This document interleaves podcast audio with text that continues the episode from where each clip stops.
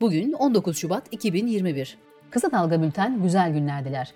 Özge Mumcu Aybars editörlüğünde hazırlanan Kısa Dalga Bülten başlıyor.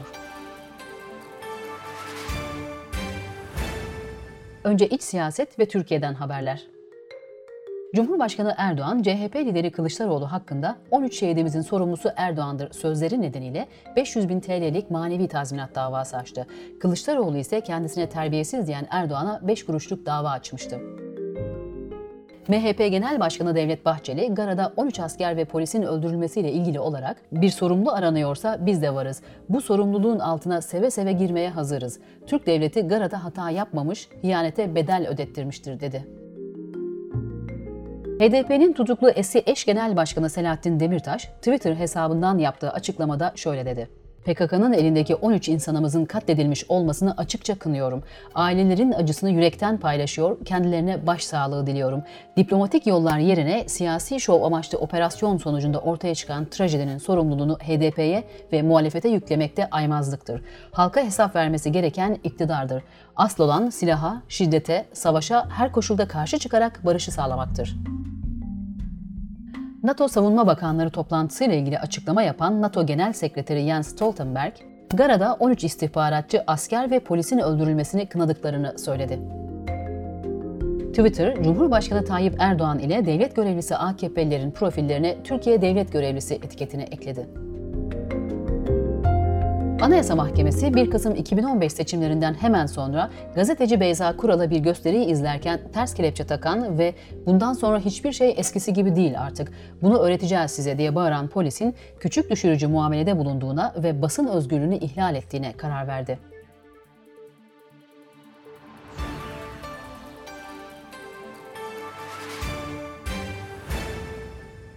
HDP eş genel başkanı yardımcısı Ümit'te de tutuklu Hakkari Belediyesi eski eş başkanı Dilek Hatipoğlu'nun sevk sırasında darp edilerek çıplak aramaya maruz kaldığını ileri sürdü.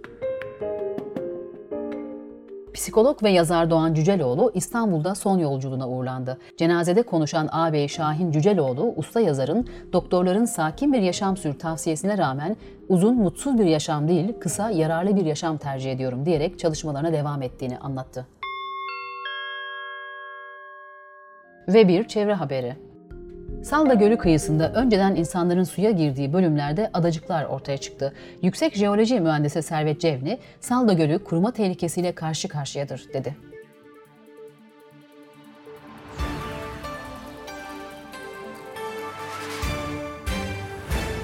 Sırada ekonomi haberleri var. IMF Türkiye Masası şefi Donald McGettigan, ekonomi politikasındaki değişimin zamanında yapıldığını belirtti ancak uyardı. Düşük döviz rezervleri kırılganlık nedeni.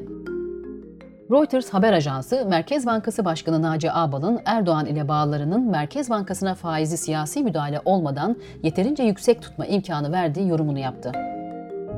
TÜİK, Yaşam Memnuniyeti Araştırması 2020 sonuçlarını yayımladı mutlu olduğunu beyan eden 18 ve üzeri yaştaki bireylerin oranı 2020'de %48.2'ye geriledi. Covid-19 gelişmeleriyle devam ediyoruz. Silivri cezaevinde tutuklu bulunan gazeteci yazar Ahmet Altan'ın avukatı Figen Albuga Çalıkuşu, 70 yaşındaki müvekkiline hala koronavirüs aşısı yapılmadığını, dilekçesine de yanıt verilmediğini söyledi. Sağlık Bakanı Fahrettin Koca, Covid vaka sayısının en fazla arttığı ve azaldığı şehirleri açıkladı. Bilecik, Erzincan, Kilis, Uşak ve Çanakkale bir haftada en fazla vakanın arttığı iller oldu. Bitlis, Mardin, Kastamonu, Yalova ve Bingöl bir haftada vaka sayısının en çok azaldığı iller olarak kayıtlara geçti. BM 10 ülkenin aşıların %75'ini aldığını, 130 ülkede aşı olmadığını açıkladı. Dünyadan haberlere geçiyoruz. Facebook, Avustralya hükümetinin hazırladığı yasaya misilleme olarak Avustralyalı kullanıcıların ülkeden ve dünyadan tüm haber içeriklerine erişimini engelledi. Arjantinli efsanevi futbolcu Diego Maradona'nın ölümünden önceki sağlık durumuna ilişkin yeni bir iddia ortaya atıldı. Savcılık soruşturmasında ifade veren bir tanık, Maradona'nın alkol sorunu yaşadığını belirtti, bakıcılarından birinin geceleri olay çıkarmasın diye ünlü futbolcuya haber vermeden birasına uyku ilacı karıştırdığını öne sürdü.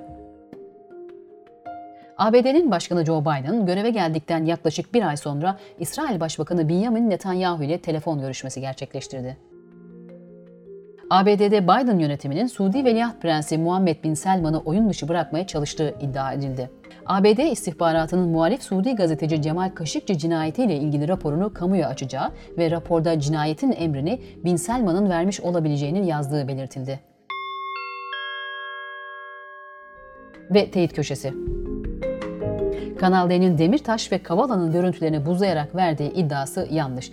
Buzlamayı MHP'nin Twitter hesabı yaptı. Son olarak kısa dalgadan bir öneri. Koronavirüsle ilgili tüm gelişmeleri Koronavirüs Güncesi bültenimizde bulabilirsiniz. Günce her sabah kısa dalga.net adresinde.